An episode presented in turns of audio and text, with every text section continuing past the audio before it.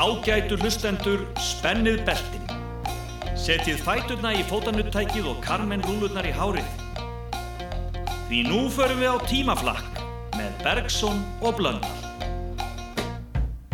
Komið sælir ágættu hlustendur, nú rennum við okkur á staðin í fortíð í þessari annari viku júnimána. Og árin sem við skoðum að þessu sinni eru 1950. Þegar Kekkonin Finnlandsforsiti heimsótti Moskvu og mokkanum leist ekkert á bliku. Já, og 1960 þegar tíminn greindi frá þeim orðurómi að hernámsandstæðingar væri að undirbúa hérna fyrstu Keflavíkurgöngu. Svo förum við til 1970. Þegar hinn ótrúlega heimsmeistarakeppni í knasputnu fór fram í Mexiko. Og endum svo árið 1980 þegar allsber Japani heitlaði suma en nexlaði aðra með reyfilist sinni á listaháttíð í Reykjavík. En auðvitað byrjum við eins og alltaf í fjarlagri fortíð eða árið 1950. Mona Lisa, Mona Lisa, men have named you You're so like the lady with the mystic smile. Is it only cause you're lonely they have blamed you for that Mona Lisa strangeness in your smile? Do you smile to tempt a lover, Mona Lisa? Or is this your way to hide a broken heart? Many dreams have been brought to your doorstep. They just lie there and they die there. Are you warm? Are you real? Mona Lisa are just a cold and lonely, lovely work of art.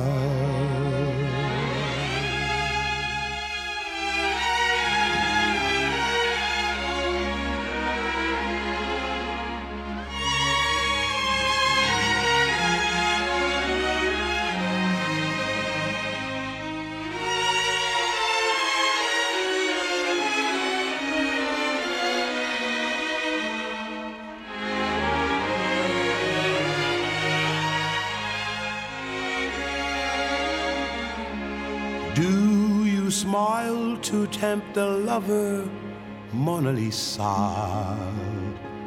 Or is this your way to hide a broken heart?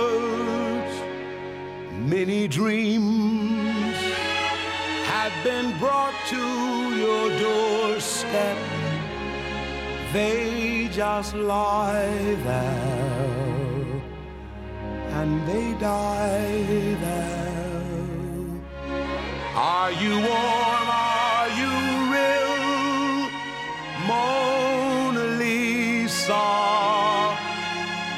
are just a cold and lonely, lovely work of art. Mona Lisa. Mona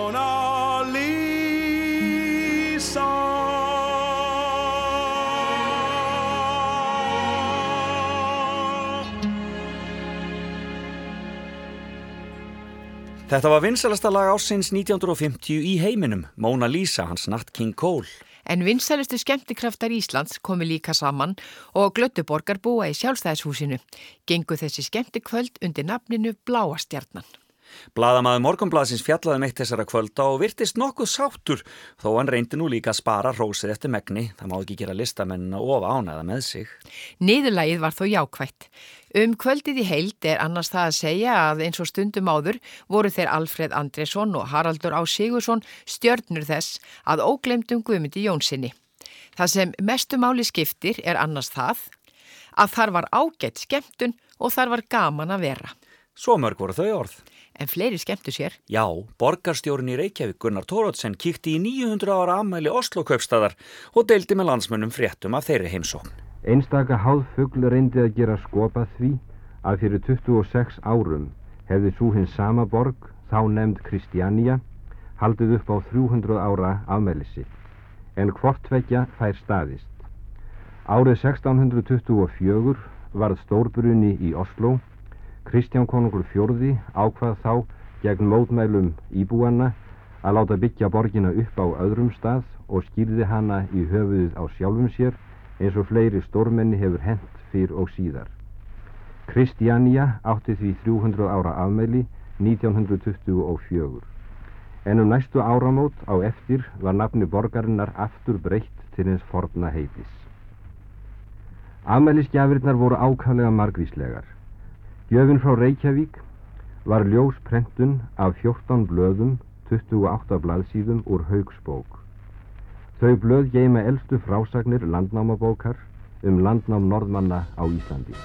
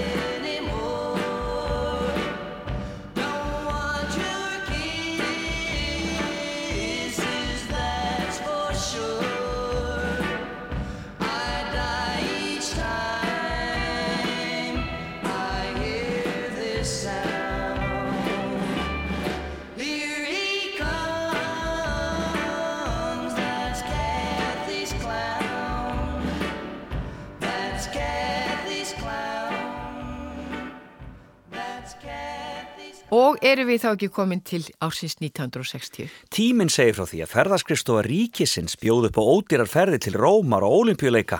Ekki fyrir sögum að því hversu margir þáðu hugð góða bóð ferðaskrifstofa ríkisins. Það hefur verið dásamlegt fyrirtæki. Já, það var allt svo miklu einfaldar í gamla daga, makka mín. Þessi ferðaskrifstofa var í eigu Íslenska ríkisins og stopnuð 1936 með enga leifi til rekstus ferðaskristofu fyrir erlenda ferðamenn á Íslandi. Hún var aflögð um tíma en svo stopnuða nýju eftirstríð til að sjá um upplýsingagjöf til erlendra ferðamanna og orlofsferðir stjættafélaga. Fljótlega varð ferðaskrifstofan líka áberandi í hótel og gistihúsarekstri víða um land. Engaleifi ferðarskristofu ríkisins var að lokum tekið af henni árið 1964 og frjálsinn markaðurinn tók við. Hún var þó áfram til sem ferðarskristofu Íslands og ríkið átti hluti henni allt til ásins 1992. Það var í ágúst hér austur á landi Ég eitt sinn lendi á balli um kvöld Og einn þar bara við blikkaði hana Og sætt á bekkjunum ungmegar Einn, tveir, þrýr, fjór, sáu skotin, sjáðu nú Hún var með dimbla auðu, þökka lokka, dreyminn svip og eindist lokka. Ég fjallist af er ég fekk hann að sjá. Ég ákvað mig á augabræði, órættur á gólfið lagði, svo aðrir skild ekki í hana ná. Einn, tveir, þrýr, fjór, hefðið, hefðið hana séð. Ég rétt út arminn og óðara kom. Ég held ég ætti að fá þennan dans En fyrir aftan mig annar var kominn Og áður varði hún þauð beint til Einn, tveir, þrýr, fjór, haldiði hann hafið það Hún var með dimbla auðu, dökka lokka, dreyminn svip og indislokka. Ég fjallist af er ég fekk hann að sjá. Ég ákvað mig á augabræði, óhrættur á gólfið laði, svo aðrir skild ekki í hana ná. Einn, tveir, þrýr, fjór, svona fórum sjóferð þá. Þau dönsuðu vanga við vanga, ég vonsvikinn mátti hörfa þar frá. Og þó ég hlipi til aftur og aftur Mér aldrei tók samt í hana að ná. Einn, tveir, þrýr, fjór. Parðu nú og flýttu þér. Hún var með dimbla auðu, þökka lokka, dreyminn svip og indislokka Ég fjall í stafver, ég fjekk hann að sjá. Ég ákvað mig á augabræði, órættur á gólfið laði Svo aðrir skild ekki í hana ná Ég hef aldrei aftur farið upp í sveit að skemta mér. Ef menn eru ekki fljóttir aðri stúrkum ná frá þér. Morgumblæði 9. júni 1960 Vestfjörða leiðirnar að opnast. Akviðinni vestur eru nú sem óðast að opnast Í gerðkvöldi komu tvær langferðabifriðir úr áætlunarferðum, önnur frá Ísafjörðardjúpi en hinn frá Skarðströnd. Eru áætlunarferðir að melgra segri við Ísafjörðardjúp í sambandi við ferði djúpbátsins. Í morgun fór fyrsta áætlunarbifriðin á þessu ári áleiðist til Patrísfjörðar en þingmanna heiði var mókuð fyrir skemstu. Verða farna tvær ferðir í viku í sumar á leiðinni Reykjavík-Patríksfjörður. En er ekki að segja um hvenar vegurinn til Ísafjörða verður opnaður, en væntanlega verður það sent í þessu mánuði. Þá verða hafnar í fyrsta skipti áætlunarferðir á leiðinni Reykjavík-Ísafjörður og verður farin einn ferð í viku til að byrja með. Ég heiti Einsi Kaldi úr eigunum, ég er innundir hjá meginum og hvar sem ég um heimum fer, þær horfa á eftir mér. Ég hef sylt um höfun hrein og blá og hittar bestu í spáni á. Þar um mig eina þrjá með alveg kólsvart hár. Trallala, lalala, út á sjónum er mitt líf. Trallala, lalala, en í landi ást og víf.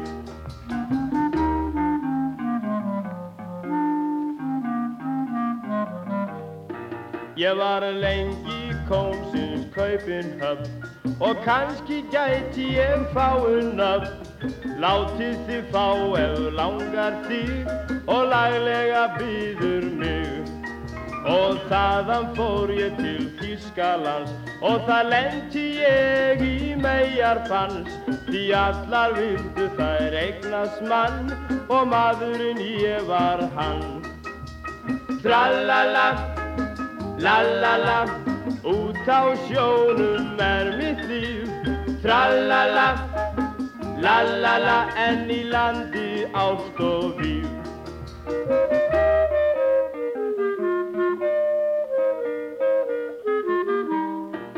Og östur í fjörðum einhvert kvöld. Ég álpaðist í töðu göld ég bjargaði mér fyrir björgindum því þar báðu mín einar fimm í borgarfjörðin brá ég mér. Á ballrétt eins og gengur hér. Þar hópurinn allur horð á mig og hver vildi reyna sig. Tralala La la la, út á sjónum er mitt líf. Tralala, la la la, en í landi ást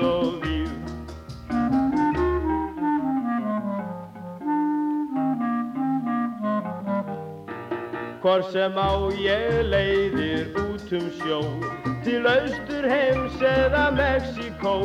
Hvor sær og ker eða silt í blæ Mér er sama hvar ég ræ. Því ég veit að hvað sem um ég fer Býða megar armar eftir mér.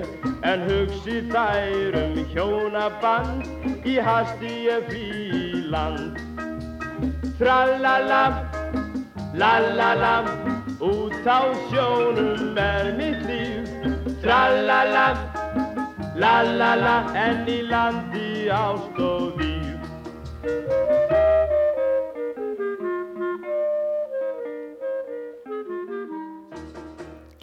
Fréttaþátturinn Heima og Heiman var á dagskrá Ríkisútasins í júni 1960 og þar var nú ekki tölu vittlisann.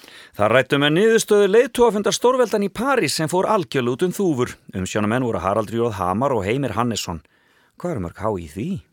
Þátturinn Heima og Heiman hefur fengið tvo þjóðkunamenn hér framfyrir hljónemann til að ræða það mál sem hér hefur verið á nokkru rakið, svo alþjóðamál yfir leitt eftir því sem þeim best sínist. Mennirnir eru Hendrik Ottosson fréttamaður og sér að Sigurður Einarsson í holdi. Hvorofan þarf að kynna útvarslustendum en báðir hafum árabil þölkynnt sér erlend málefni og erlend stjórnmál. Mér langar til að spyrja ykkur, bjögusti við því að fundur æstu manna færi sem fór? Já, hvað segir Henrik. þú um það? Já, og ég var að svara fyrst. Já, já. Það er sama. Já, ég verð nú að segja það að ég er nú ekki það vel inni í þeim hundakunstum sem að stórstjórnmálamennir uh, við hafa. En hins vegar þá get ég mjög vel skilið að hann fór út um þúfur eins og kallað er. Geti vel skilið það. En hins vegar get ég ekki sagt uh, að ég hafi eiginlega myndað mér nokkra hugmyndu um hitt fyrirfram. Hvað sér þú með þetta segja? Ég segja ykkur bræður góði að eh, það er náttúrulega ekkert eins eh, billegt eins og að vera spámaður eftir á. En ég var svo heppin að vera búinn að láta það í ljósi eh, nokkuð greinlega og, og fleira minn einu stað að svona myndi fara. Ég átti fastlega að vona á því að Parísarfundurinn eru gjörsamlega árangurslaus.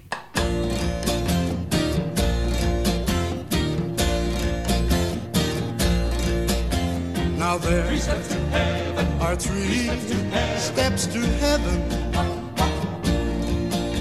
Just listen and you will plainly see. And as life travels on and things do go wrong, just follow steps one, two, and three. Step one you find a girl you love. Step two, she falls in love with you. Step three, you kiss and hold her tightly. Yeah, that sure seems like heaven to me.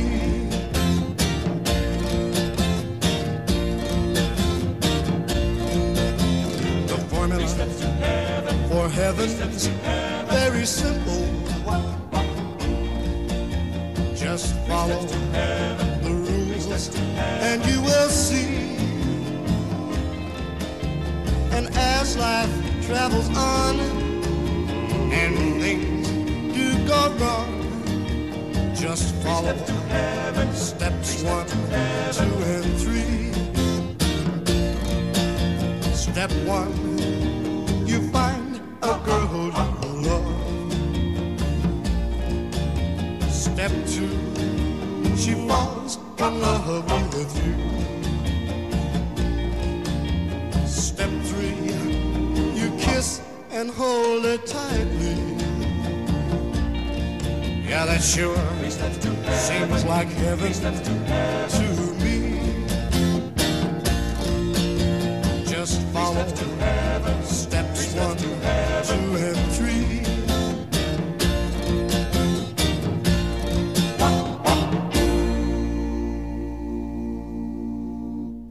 Kappreiðar. Hestamannafélagsins Sleipnis verða háðara hróasólti sunnudaginn 27. júni og hefjast klukkan þrjú síðdeis. Keft verður í þremu flokkum, í fyrsta lagi skeið 250 metrar, í öðru lagi fólarhlaup 250 metrar og stökk 300 metrar. En fremu fer fram góð hesta keppni. Þáttakæ tilkynist Jóni Bjarnasin í Selfossi, símin er 151, hestamannafélagi Sleipnir.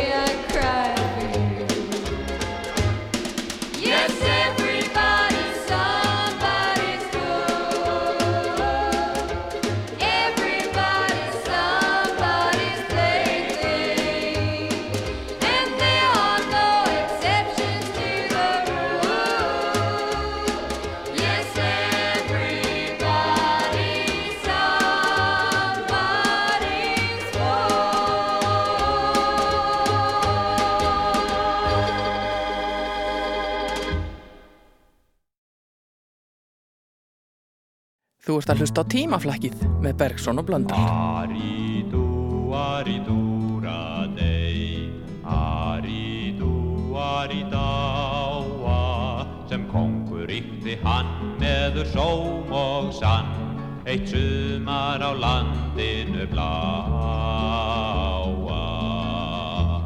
Þeir íslensku segja víst um hann margt, af óhróðri miðlungi sönnum, því alltaf sem hann gat hafðan gert til þess að gera þá aftur að mönnum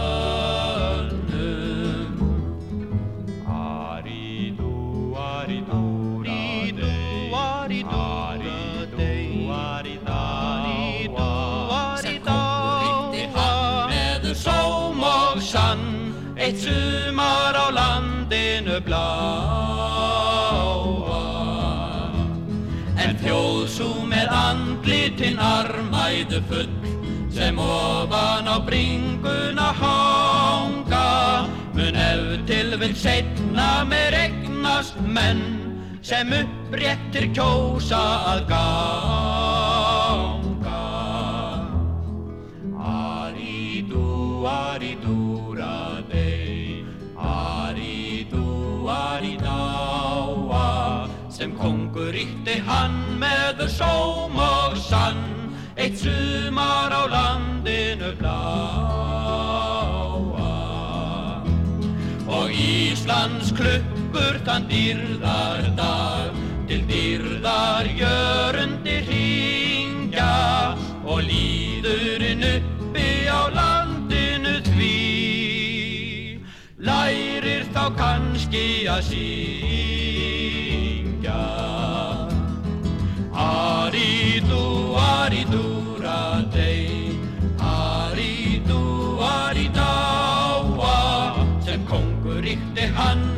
sóm og sann. Eitt sumar á landinu bláa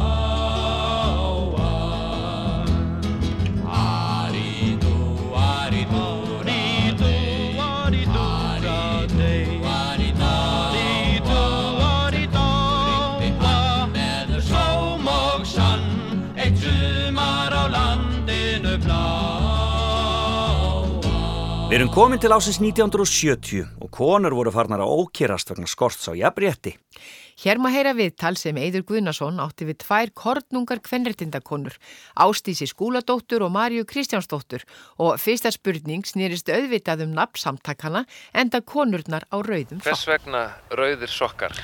Það er nú meira tilviljun heldur en það hafi sjálfsög eitthvað markmið að nefnist rauðir sokkar heldur eru rauðir sokkar bara eina af þeim reyfingum sem hafa sprottuð upp undanfærið vegna, þess að, vegna bæði samfélagsleira breytinga og, og þess að hvem fólk almennt er að vakna til vitundur um það að það er annað og meira heldur en kynferðislega verur.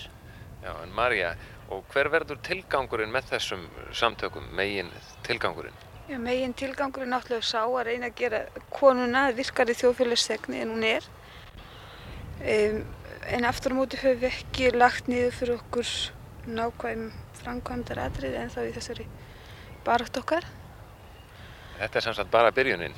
Þetta er byrjunin. Við erum að, ætlum að okkur að undirbúi í vetur og gera rannsókn á stöðu konunar í íslensku þjóðfélagi og eftir það verður ekki fyrir í haust að við munum geta gefið nákvæmar.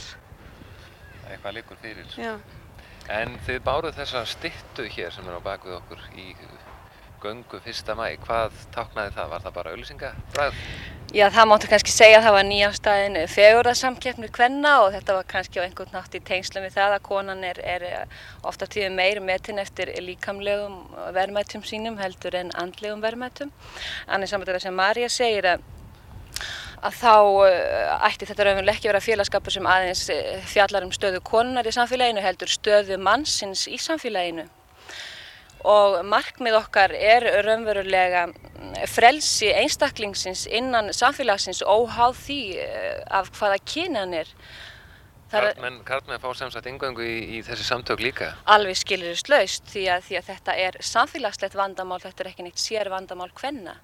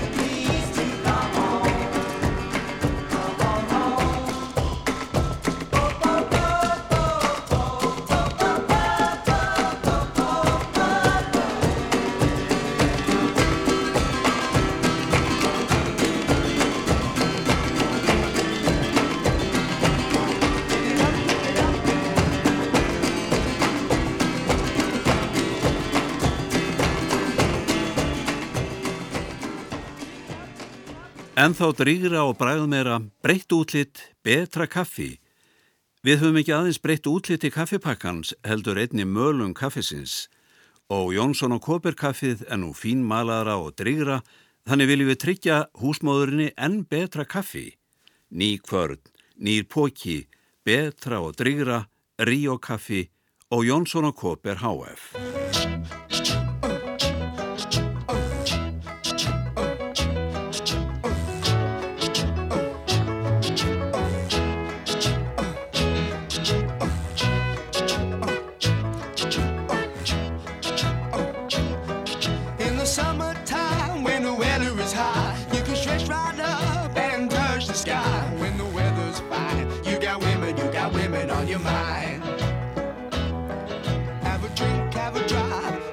And see what you can find. If a daddy's rich, take her out for a meal. If a daddy's poor, just do what you feel. Speed along the lane, you can turn or a turn of 25. When the sun goes down, you can make it, make it good and live by. When I grab people, when I dirty, when I mean, we love everybody, but we do as we please. When the sailing in the sea. We're always happy, last for living, yeah, that's our philosophy.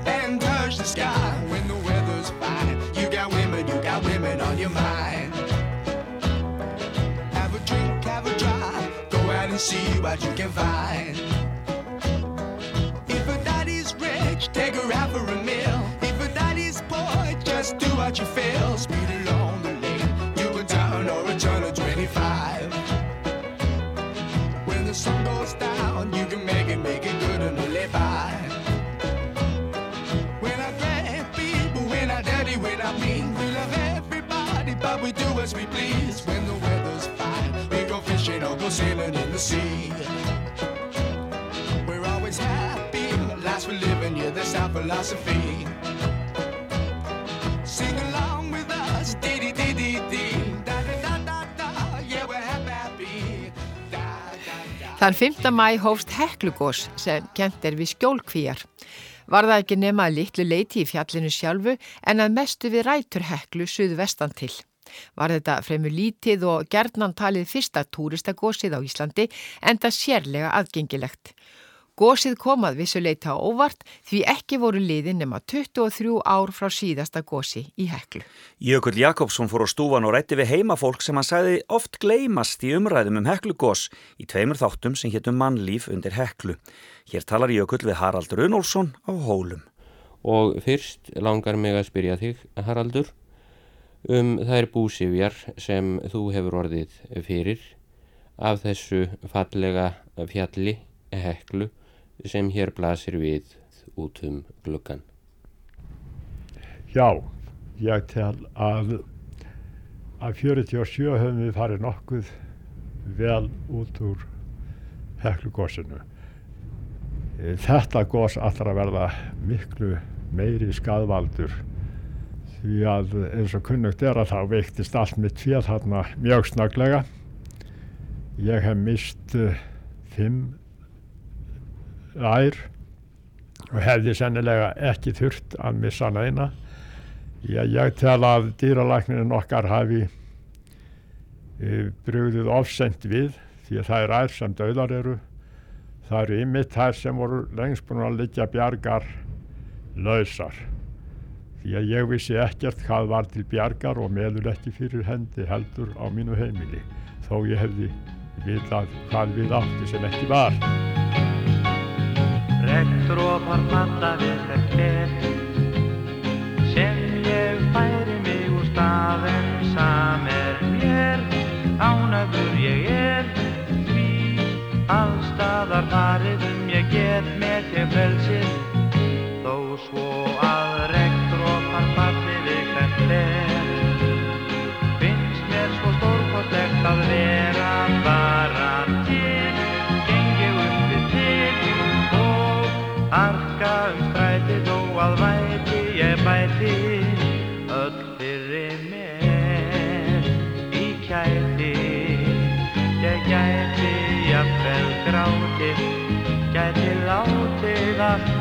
að þregnið sjá um tár mín ei ég vil að mæti. Regndrópar falla við hvert fer. Feginn er ég að því að gráta ég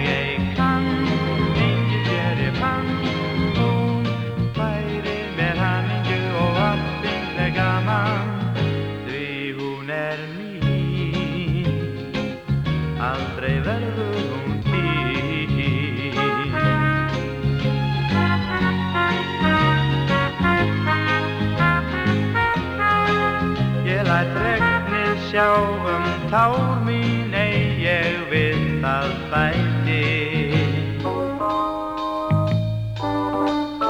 Regndrópar falla við hverfi.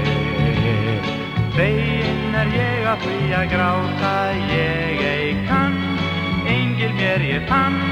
Hún færir mér hamingju og allt finnst mér gaman. Ég á mér hamingju og allt finnst mér gaman. Ég á mér allt llama.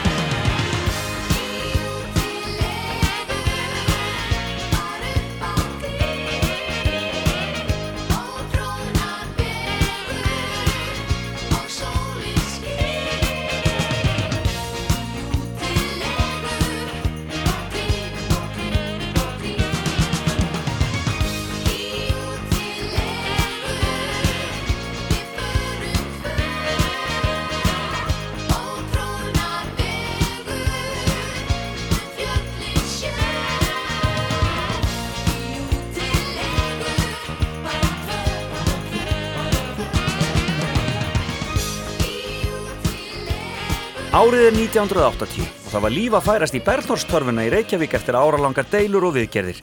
Veitingósi Torfan var opnað og Galleri Langbrók opnaði síningraðstöðu. Enda var listaháttíð og þar kendi Ímisa Gasa. Japanin og tippinu var auðvitað toppurinn á þeirri tilveru. Hann allir deilum, en það gerði líka kveikmyndin Dauði prinsessu sem útasráð ákvaða að taka af dagskrá mörgum til mikillar reyði. Efni myndarinnar þótti mjög eldfind og jafnvel svo að það gæti valdið íslenskum fyrirtækjum í Araparíkjum miklum skada. Og svo voru líka íslenski listamenn sem kveiktu elda. Einn var nýkominn fram og átt eftir að láta til sín taka, svo um munan.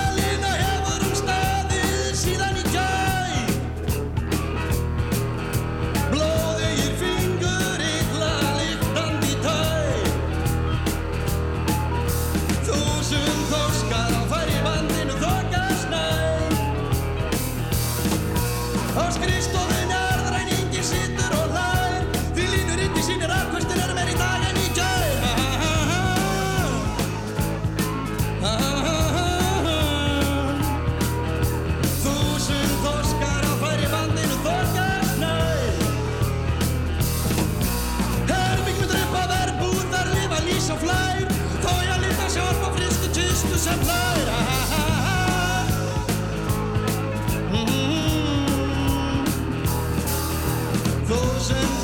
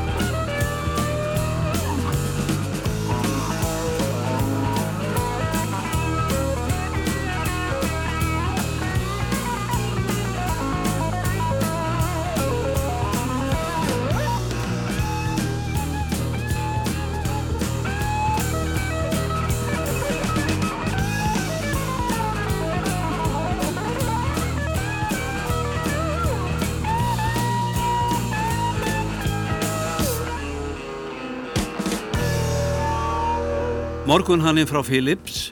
Það er ljúft að vakna á morgnana í skólan og vinnuna við tónlist eða ringingu í morgun hann frá Philips. Hann getur líka séð um að svæfi ykkur á kvöldin með útvarpinu og slekku síðan á sér þegar þið eru sopnuð. Morgun hann er fallegt tæki sem er til príðis á náttborðinu þar að ekki gengur hann alveg hljóðlöst. Heimilistæki HF.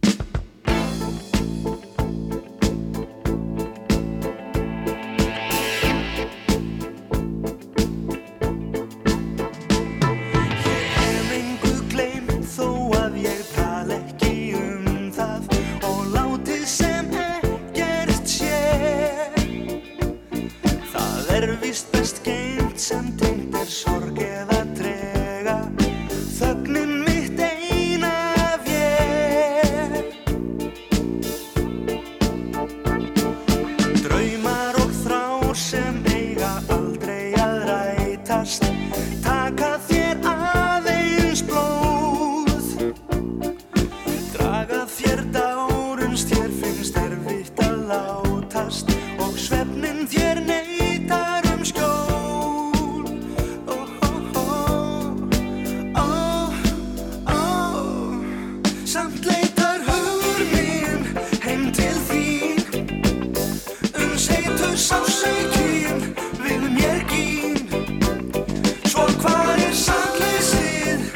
Yes,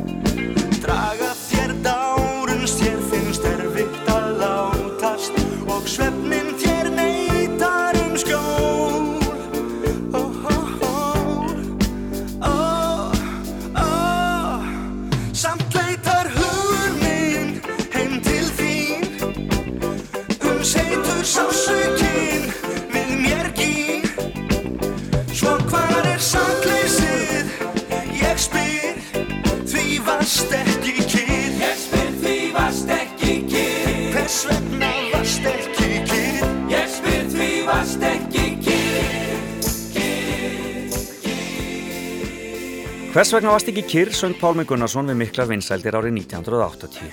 En annan lag náði óvæntum vilseldum í mæ og júni þetta sama ár. Þetta var titilag og kvikmynd og sjómanstáttum sem höfðu þó gengið í mörg ár. Lagið Suicide is Painless er titalag MASH en það var vinsæl kvikmynd árið 1970 og sjómanstættir frá 72 til 83. Það segir af æfintyru nokkur að lækna í kóriðustríðunni en allir vita að Vietnamstríðið sem þá var í fullum gangi var bakgrunnunin. Lagið var samið af Johnny Mandel sem samti alla tónlist í myndina en textin var eftir 14 ára gamlan svon leikstjórnans Robert Altman, sá heitir Michael. Lagið var svo vinsælt að Robert Altman sæði síðar frá því að sonur sinn hefði fengið miklu hærri höfundagreislu fyrir lagið en hann fekk fyrir að leikstýra myndinni.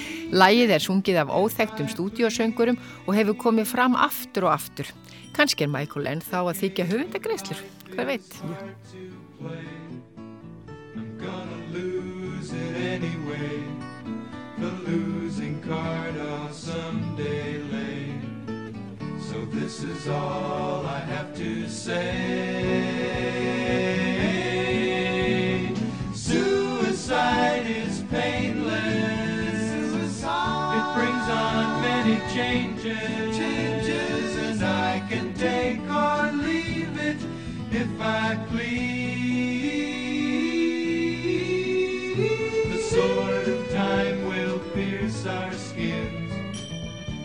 Doesn't hurt when it begins, but as it works its way on in, the pain grows stronger. Watch it grin.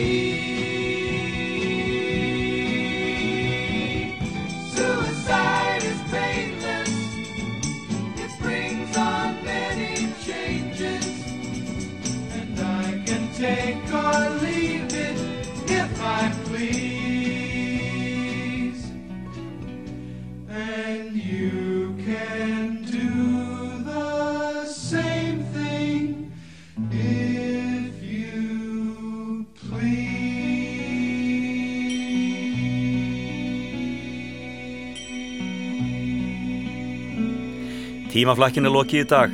Við þökkum tæknumann okkar Gísla Kristjánsinni og lesarunum góða Sigvalda Júliusinni. Heyrimst aftur eftir viku.